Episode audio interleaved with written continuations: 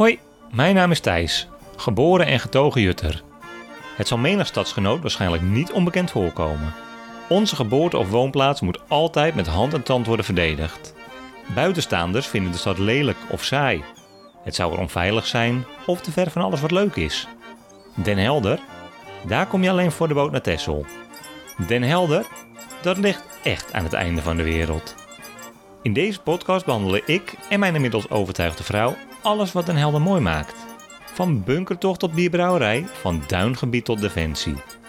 Want is Den Helder echt wel zoveel minder leuk, mooi en interessant dan andere steden in Nederland? Ga met ons mee op onderzoek naar die allerlaatste halte. Den Helder, helemaal het einde.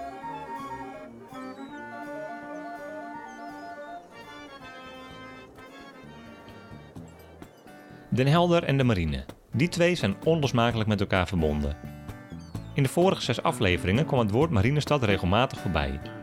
Maar wat betekent dit nou eigenlijk? Is Den Helder Den Helder nog wel zonder die aanwezigheid van de marine?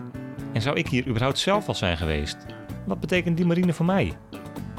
Mijn opa van moederskant was officier bij de marine en mijn moeder is hierdoor na vele omzwervingen uiteindelijk beland in Den Helder, waar ze mijn vader, werkzaam als elektromonteur op de thuishaven van de marine, ontmoette. Ook mijn leven is onlosmakelijk met de marine verbonden, al heb ik me dit nooit zo beseft. In deze aflevering gaan we op zoek naar de verhalen, op grote en kleine schaal, achter de marine. In de vorige aflevering sloten we af met het tonijn, marine en helders-icoon. In deze aflevering praten we verder met Leon, een wandelende encyclopedie als het aankomt op de Nederlandse marine en een geschiedenisleraar die wij op de middelbare school wel hadden willen hebben. We mogen hem het hemd van het lijf vragen en beginnen bij het begin. Hoe kwam de marine eigenlijk in Den Helder terecht? De, de admiraliteiten hebben we het dan over. Want één marine had je toen de tijd niet. Je had admiraliteiten in, uh, van West-Friesland, Amsterdam, Rotterdam, Zeeland, Friesland. En die moesten dan samen, moesten ze in geval van oorlog een vloot samenstellen. En Amsterdam had daar het grootste aandeel in. En zo'n vloot die verzamelde dan in het Marsdiep of in uh, ook, ook wel in, in Zeeland.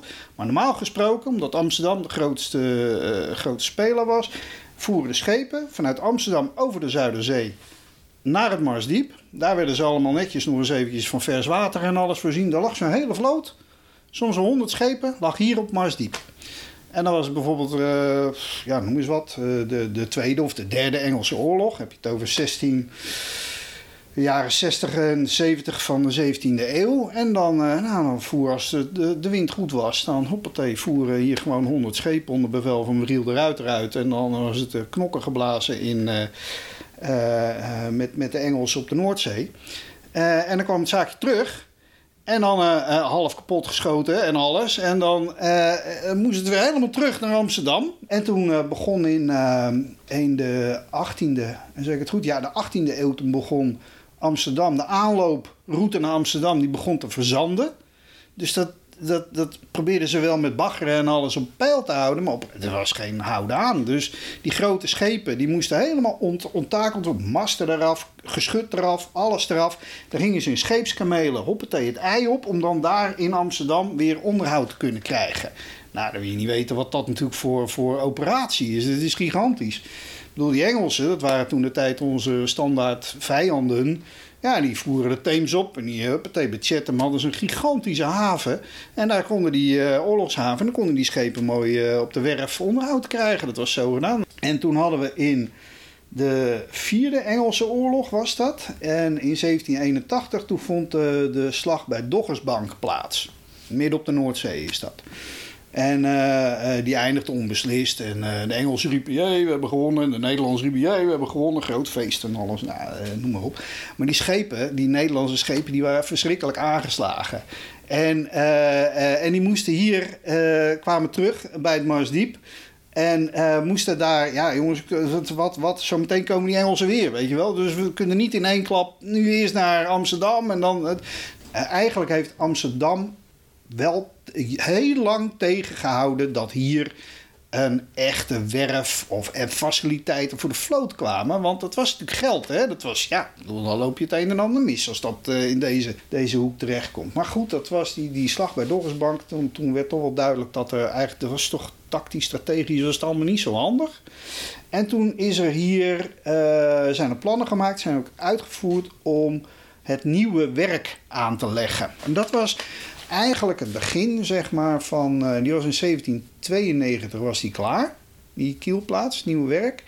En dat is een beetje het begin van hier uh, activiteiten in, echt, echt oorlogsactiviteiten in Den Helder. De geschiedenis van de marine met als standplaats Den Helder gaat dus al een paar honderd jaar terug in de tijd.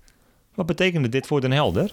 Uh, en dat blijft eigenlijk, die werf, die, uh, uh, die, ja, dat is dan ook een van de belangrijkste werkgevers hier in, in de omgeving. Dus daar zie je echt dat, dat inderdaad nog talloze ja, rasheldenaren, echte jutters. Ja, dat is, die hebben generaties terug gaat dat nog met mensen die op de werf hebben gewerkt.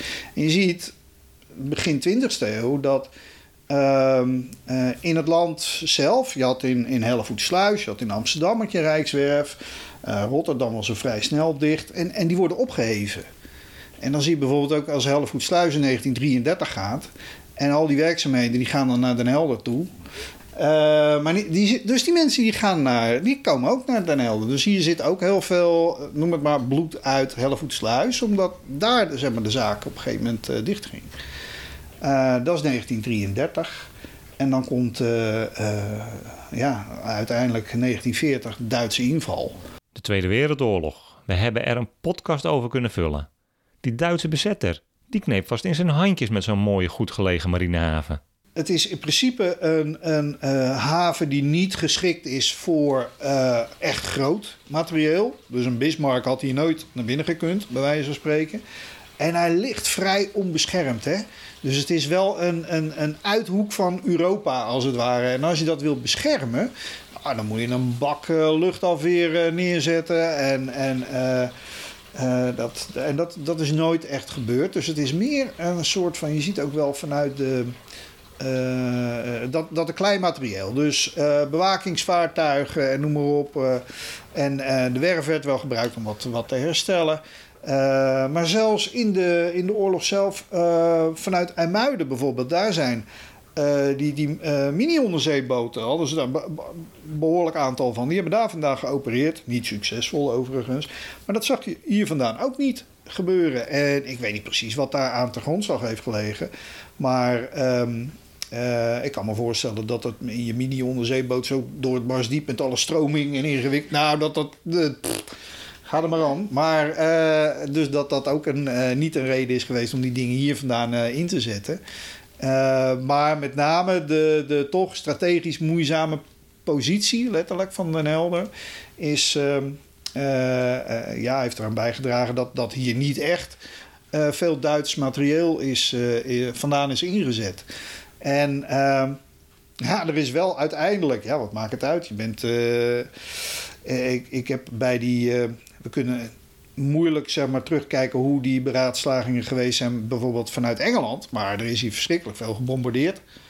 Uiteindelijk, dus ja, het was natuurlijk een, een prachtig helder punt uh, om vanuit je bommenwerper uh, squadron te zien. En vliegt er maar op af en, en kaboom.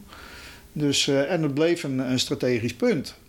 Want ja, stel je voor dat. Nou, laten we in ieder geval zorgen dat we ze zo vaak bombarderen dat ze er niet een goede marinehaven van gaan maken. Misschien zoiets. Maar toen de bezetter was verjaagd en de oorlog ten einde kwam, toen werd er natuurlijk direct besloten om de haven en de vloot uit te bouwen, zodat er, in het geval er een nieuwe oorlog uit zou breken, adequaat opgetreden kon worden, toch? De, de, de vraag is letterlijk gesteld in het parlement of er nog wel een Nederlands marine zou moeten zijn. Want we hadden toch de Amerikanen, die, uh, die zorgden toch wel voor ons. Zo, hè, dat idee krijg ook, nou, als je geen marine hebt, scheelt natuurlijk een bak geld. En uh, nou ja, we zitten de oorlog geweest, dus schatkist leeg. Dus nou ja, fijn. Die vraag werd gesteld, letterlijk. En toen, uh, toen werd er wel vrij snel gezegd: nee, ja, wacht, wacht even. Wij zijn wel een maritieme natie. Hè? Dus we hebben een grote koopvaardij. We hebben Nederlands-Indië, wat, uh, wat nog steeds, ja, je hebt er toch schepen nodig. Dus Dat kunnen we niet aan de Amerikanen overlaten bijvoorbeeld. Dus uiteindelijk werd die vraag eh, zeg maar lekker in de, in, de, in de ijskast gezet. En toen kwam de vraag van ja, oké, dus we blijven de marine houden. Maar waar komt dan dan is dit nu wel het moment om even te kijken of, of is Den Helder of Rotterdam of uh, Vlissingen of wat dan. Nou, toen zijn een aantal plannen gemaakt en Den Helder was volgens mij niet het goedkoopste, maar uh, strategisch gezien wel het meest uh, interessant. En toen is men in, uh, wat was het, 48 zijn die plannen gemaakt. En toen ehm, is men het, ja noem het maar, het, het, de nieuwe haven gaan, daar is men mee begonnen om die aan te leggen. En die is in die werkzaamheden hebben tot 19, nou, ze duren nog steeds voort volgens mij, maar goed. Uh, in 1954 was dat uh, zover af dat toen het uh, vliegkampschip Karel Doorman kon het lint feestelijk doorvaren. Was de haven was, was geopend. En, en daar zijn langzaam en zeker zijn daar alle activiteiten van de marine zijn daar naartoe verhuisd. En zo kreeg Den Helder dan toch een nieuwe haven. Maakt die marinehaven Den Helder nou ook een marinestad? Of maakt het gesloten karakter van Defensie het steeds moeilijker om die invloeden van de marine terug te vinden? Er ligt gewoon nog steeds een gigantische ja, slotgracht, als het ware, om de, om de haven heen. De marine is nog altijd een afgesloten geheel. Uh, er, er, wonen wel, uh, natuurlijk, uh, ja, je kan in Amsterdam of wat dan ook in die contraien gaan, gaan wonen als, als je werkt bij de marine. Uh, maar um, uh, dat is niet handig. Ik bedoel, je wilt toch. Het is prettig als je een beetje in de buurt van je, van je werk woont. Dus uh, dat zijn de hele kleine tentakeltjes in in de stad die je ziet. De mensen die hier, die hier werken en die hier wonen. Dat maakt Den Helder de marinestad. En, en als je. het blijft hoor. Als je boot naar Texel gaat, dan zie je het, dan zie je liggen. Maar dat is het toch wel een beetje. Het is nog steeds die gesloten organisatie. Het is wel zo dat in de loop der uh, recente decennia, ja, 2005 zo'n beetje. Toen is er een, uh, binnen Defensie een grote reorganisatie geweest. En die heeft ervoor gezorgd dat het machtscentrum van de marine niet langer in Den Haag ligt. Maar dat is hier naar Den Helder toegekomen. Dus je ziet wel dat zeg maar, binnen de krijgsmacht Den Helder een belangrijke rol is gaan spelen. Um, maar ja, ik zeg, dat zie je. Maar dat zie je dus niet, hè? ik bedoel, dat staat op papier wel zo. En je ziet ook meer, uh, als het ware, hoge omens uh, deze kant op komen. En hier ook wel neerstrijken in de buurt, waar, waar ze vroeger in, in Den Haag zouden hebben gewoond. en, en dus het, het, het machtscentrum van de marine is letterlijk nu in Den Helder neergestreken. Ja, wat zie je daarvan? Echt nog steeds heel weinig. Ja. Uh, tenzij je uh, om, uh, wat is het, acht uur bij de Moormanbrug moet zijn of zo. Ja, dan zie je het, hè. Ja. dus ja, dat, dat is nog steeds frappant. Als je aan mij vraagt van wat zie je van de marine in Den Helder? Echt letterlijk in, in Oud Den Helder of wat dan ook, die, die hoek op? Nee. Ja, die drukte op de Moormanbrug. Die herinner ik me nog heel goed. Vreselijk indrukwekkend vond ik dat als kind. Als aan het einde van de werkdag honderden mensen op hun fiets van de haven afkwamen. Straks praat ik met mijn vader, die ik daar soms opwachtte om hem het laatste stuk naar huis te vergezellen. Maar eerst ga ik in gesprek met mijn oma, Nettie, en mijn moeder Joke. Als vrouw en dochter van een marineofficier hebben ook zij hun eigen verhaal over welke invloed de marine op hun leven had. In het stuk dat jullie gaan horen spreken we over papa, vader en opa. Maar we hebben het allemaal over dezelfde persoon.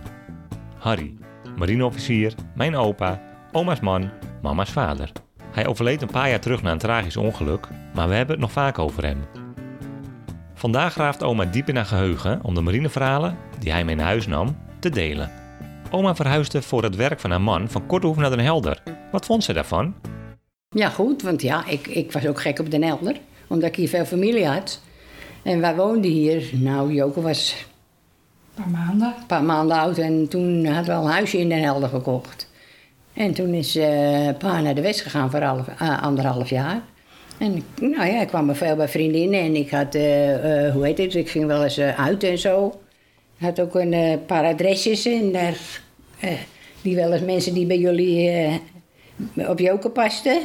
Ja, Dan gingen we s'avonds naar huis thuisverdrijf, gingen we dansen. We zijn benieuwd in hoeverre de marine doordrong in oma's leven. Had ze bijvoorbeeld veel contact met andere marinevrouwen? Nee, eigenlijk meer gewoon eh, vrienden van, eh, ja, die, die, die daar in de buurt woonden, maar niet zoveel van de marine. Nee, jullie hadden bepaalde tijden, zeg maar, een aantal keer per jaar.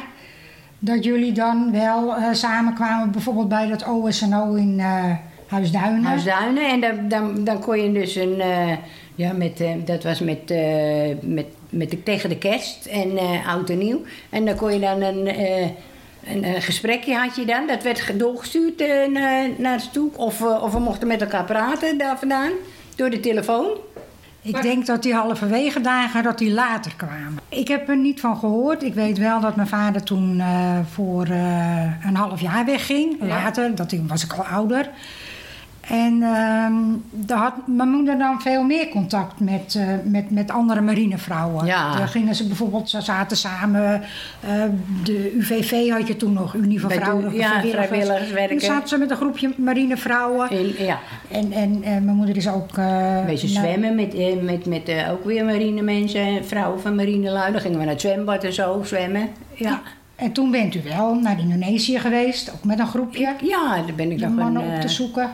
Poosje naar Indonesië geweest. Met, eh, met, we waren met eh, zes vrouwen en met de vrouw van de commandant erbij zijn we in het vliegtuig gestapt.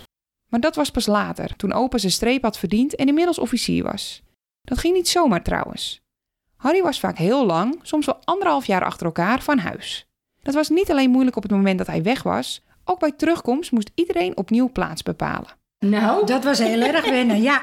ja. de eerste keer. Sowieso, eh, nou ja, ik was natuurlijk dat mijn vader dan, dat opa, dus zeg maar, voor de eerste keer wegging, een paar maanden oud. En eh, ja, als we dan s'avonds naar bed gingen, dan eh, zei oma altijd van, nou geef, geef papa maar een kusje. De foto. En dan gaf ik de foto een kusje. nou ja, toen kwam eh, opa na anderhalf jaar thuis. Nou ja, en die stond met zijn armen van, nou kom maar in mijn holletje. En oma zei, nou, geef papa, geef papa eens een kusje. En ik liep langs hem heen naar de foto. Ik gaf de foto een kusje, Ja. want ja. Nou ja, de opa is natuurlijk dan eh, eh, doorgegroeid bij de marine, gaan leren. En eh, nou ja, toen ging hij niet meer lang weg. Toen was hij dan hooguit een half jaar weg op een lange trip. Maar hij was ook wel eens dat ze naar Ierland en Engeland gingen voor een maand. Ja. Ja, maar ja, als opa eh, een maand of, of langer weg geweest was, wij moesten het natuurlijk altijd met, met, met, met mama doen, met oma. En eh, ja, alle beslissingen nam oma. Dus dat was heel moeilijk. Als, pap, als opa dan thuis was, dan, eh, dan wilde ik naar een vriendin of bij een vriendin blijven eten. En dan nam opa de telefoon op en dan zei ik: Hé hey pap, mag ik mama even? En dan vroeg ik aan mama van, nou, ik ben daar en daar, mag ik blijven? En ja, dat vond opa natuurlijk niet altijd even nee, leuk. dat zei hij toen tegen- tegen mij En ook. toen hè. op een gegeven moment toen was het ook zover, dan zei ik, hé hey pap, mag ik mama even? En toen eh, hoorde ik hem tegen mama zeggen, zeg maar nee. Ja, dat zeg maar nee, dat was niet ongewoon voor Harry. Was hij thuis ook een beetje een marineofficier? Nou, was, opa was streng. Ja, heel streng. En, en eh, opa was ook nog een beetje zo van, eh, eh, dat eh, de meisjes moesten toch wel van alles doen. Toch man? Ja, eigenlijk wel, hè? Ja. Ja. En eh, mijn taak was opa's overhemden strijken. Nou ja, marine-overhemden, wit en katoen. Nou, je weet het. En er mag geen kreukje in zitten. Dat moest ook wel eens over. En ik denk dat papa is later een stuk... eh, ja, mi- milder is niet het goede woord, maar... Nee, dat, hij bemoeide zich er niet zoveel mee mee toen later. Nee, maar hij kwam ook wat meer gewoon als een gewone vader. Ja, een eh, beetje naarmate rustiger die aan, lange ja. was, Ja, wat ja. rustiger aan. En eh, ja, Ja, het is natuurlijk heel wat als je anderhalf jaar weg bent. En, maar je, ja, is verder ook je kan gaan, da- gang kan gaan daar natuurlijk. Zijn gang gaan. Dat riekt naar sterke verhalen. Nou, nou sterke verhalen. opa heeft zijn rijbewijs op de West Oh gehaald. ja, heb je een rijbewijs heb je in de West gehaald? Nou, En, eh, drie vingers in zijn neus. Met drie vingers in de neus. Bijna wel. Ja, maar ja, het dat- kantoortje ging dicht, dan kon je je rijbewijs Ja, ophalen. dat- dat en ze zouden weer gaan hoor. varen. En toen heeft hij twee rondjes om de rotonde hoeven doen. En toen mocht hij zijn rijbewijs gaan ja, halen. en toen mocht hij later zelf ook helpen daar met rijles geven. Ja, En oma heeft nog een mooi verhaal, al moet ze hiervoor iets dieper in haar geheugen graven. Nou, eh, hij was uh, machinist, dus hij zat eh, bij de machinekamer en weet ik veel wat. En als de koningin aan boord kwam, dan stond, dan stond hij ja, met een heel stel... In de houding. Dat was in, met de Zeel, hè, in Amsterdam. Waar, waar koningin welke waren? Beatrix en Prins Klaus. Beatrix en Klaus, die, wa- die kwamen met, hoe heet het? Met de, hoe heet dat boot? Groene draak. De groene draak, ja, naast ons. En toen zei de, de commandant, dat was een hele oude, ja, jullie moeten of een, een, een avondjurk meenemen of een eh, cocktailjurk. Nou, we hadden die cocktail ook maar aan gehad. En we zagen die lui aan boord komen, de koning, sorry, en, de prins. En die waren lekker in eh, van die oude kleren en zo'n bonker aan en zo. En stonden we voor gek. Mijn vader Kees was 50 jaar werkzaam voor het marinebedrijf en voerde als elektromonteur regelmatig onderhoudswerkzaamheden op marineschepen uit. Die sterke verhalen die waren daar helemaal in overvloed te vinden. Kees vertelt en helpt in minder dan een half minuut het imago van de keurige marineman om zeep. Ja, vaak zijn het verhalen die je niet verder moet vertellen. Het, het scheelt ook per boot of per klasse. Je had de, de mijnendienst en je had dus de, de grote vloot, de uh, vergatten. En eh, op de mijnendienst was de hiërarchie altijd iets losser. En ook eh, feesten aan boord of feesten in, eh, in haven in Engeland of in eh, Noorwegen en in Denemarken. Ja, met, altijd met drank natuurlijk. Dat was toen eh, ook eh, even meer dan nu. En eh, dan hoor je wat verhalen waarvan je afvraagt... nou, is dat, zal het wel echt gebeurd zijn? Maar dan komen er fotoboeken tevoorschijn en denk je... jeetje, Mina, dat moeten ze thuis ook niet horen of weten. We vragen of Kees nooit zelf ambities had om tot de marine toe te treden. Nee, ik werd er snel zeeziek, vertelt Kees. Maar hij had uiteindelijk wel veel contact met marinelui. Nou, de eerste jaren eh, waren de schepen gewoon in heel groot onderhoud... en er was eh, geen marine aan boord. De A- en de B-jagers, zo lang is dat terug. En, en er was geen marine aan boord. Dus je had heel weinig contact met de marine. Later eh, ging ik op andere schepen werken die dan in kort onderhoud lagen. En daar was al marine aan boord. En je had dan gewoon heel goed contact. Vooral met de chef elektromonteur. Ja, je kon aan boord een bakje koffie en eh hapje mee eten. Op maandag eh erwtensoep. En als iemand jarig was, dan eh, ja, je zat een tijdje aan boord. Nou, dan had je mee met, eh, met gebak. En woensdag dan nasi. Maar, maar- dat, is, eh, dat was alleen de schepen dus die eh, niet in onderhoud lagen. We gaan nog verder terug in de tijd en vragen Kees hoe hij bij het marinebedrijf terecht kwam en hoe die allereerste jaren als leerling eruit zagen. Het, het werk was best wel interessant. Vooral als, eh, als jongetje natuurlijk. eh, het werk op schepen. En je, werd, je werd eigenlijk je had heel veel vrijheid. Als je maar goed je werk deed. En eh, goed de oudere monteurs luisterde. Want dat, dat was het natuurlijk een beetje. Je had, moest geen grote mond hebben. Niet eigenwijs zijn. Want eh, ja, het was, eh, de oudere monteurs, ja, dat waren meneren. En eh, als je heel goed in een pultje lag, dan mocht je oom zeggen. Ome Piet en ome Joop. Zo ging dat. Een groot deel van zijn tijd als elektromonteur bracht mijn vader door op Willemsoord, de Oude Rijkswerf. Je kent deze iconische plaats vast nog uit eerdere afleveringen. Mijn vader neemt ons mee naar de Oude Rijkswerf van zo'n 50 jaar geleden. Je had allerlei eh, vakdisciplines. Iedereen was zo'n eh, vakman eigenlijk. Je waren mensen die natuurlijk handiger, de een of de ander. Maar je had plaatwerkers, eh timmerlui, mastermakers, smeden, instrumentmakers. Glassnijders eh, waren de mensen die voor, voor meters glaasjes maakten. Nou ja, schilders, fijnschilders, een goudhoek, eh takelaars. Had eh, heel veel verschillende disciplines. Allemaal in eigen werkplaats.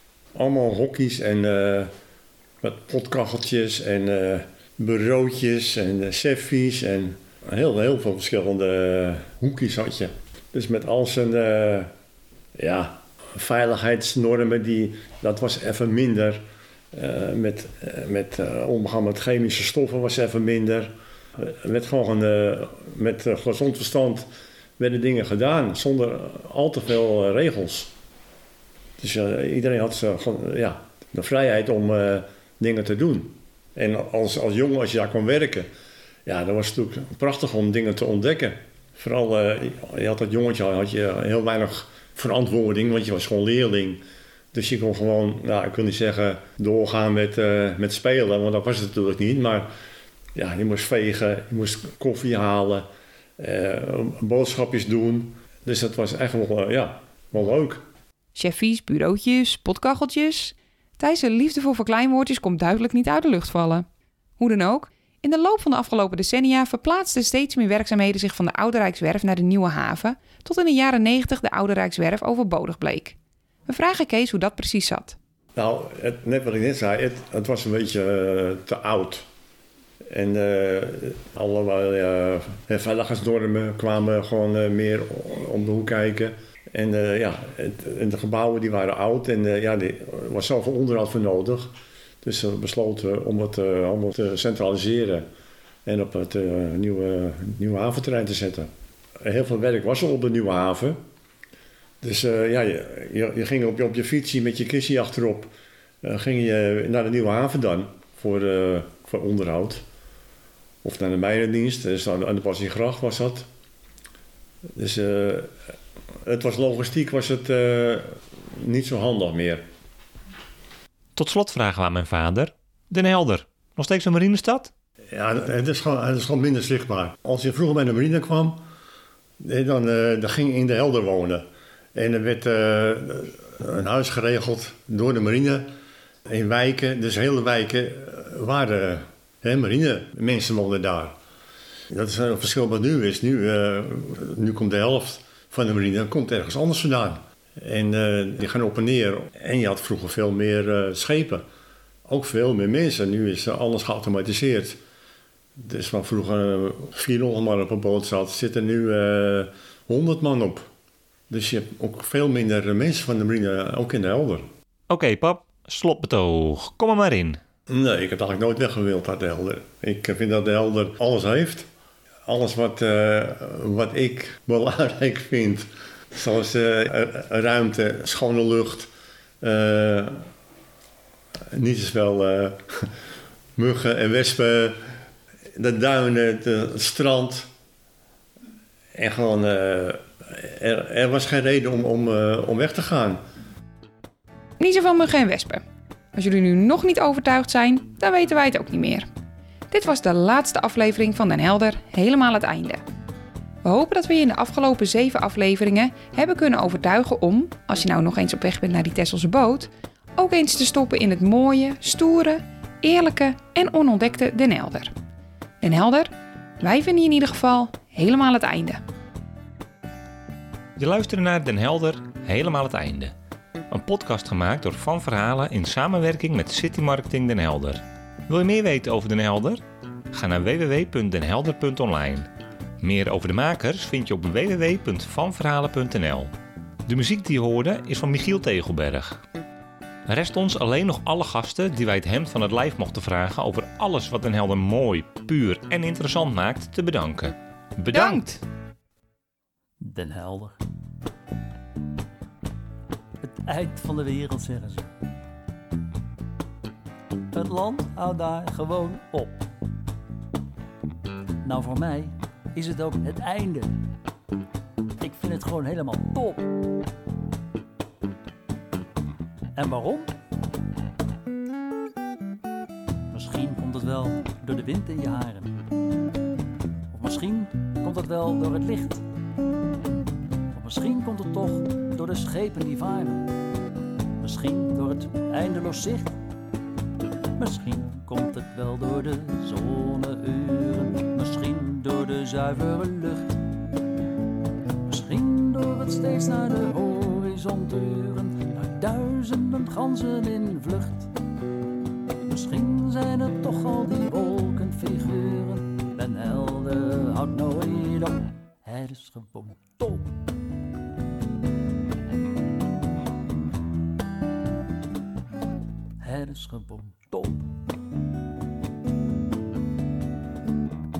Ik weet niet hoe ik het zeggen moet en ik weet niet hoe het komt. Maar ik ben gek op den helder en ik weet niet waarom. Eind van de wereld zeggen ze het land, hou daar gewoon op. En ja, het is ook het. Wat het is? Het is gewoon. Misschien komt het wel door kijkduinen en het strand. Misschien nogal wie de aan zee. Misschien door het golvende duinenland. Misschien neemt het wat je hart mee. Misschien komt het wel door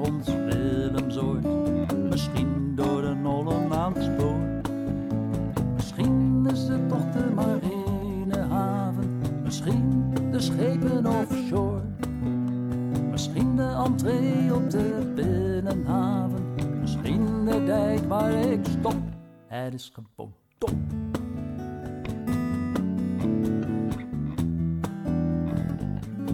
Het is gewoon top.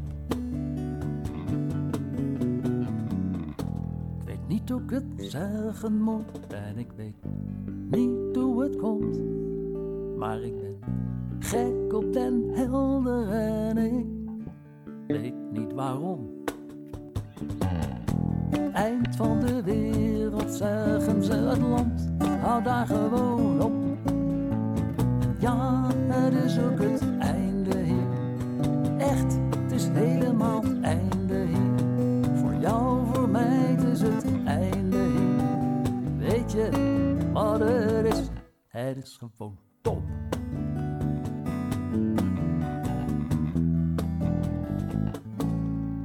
Het is gewoon helemaal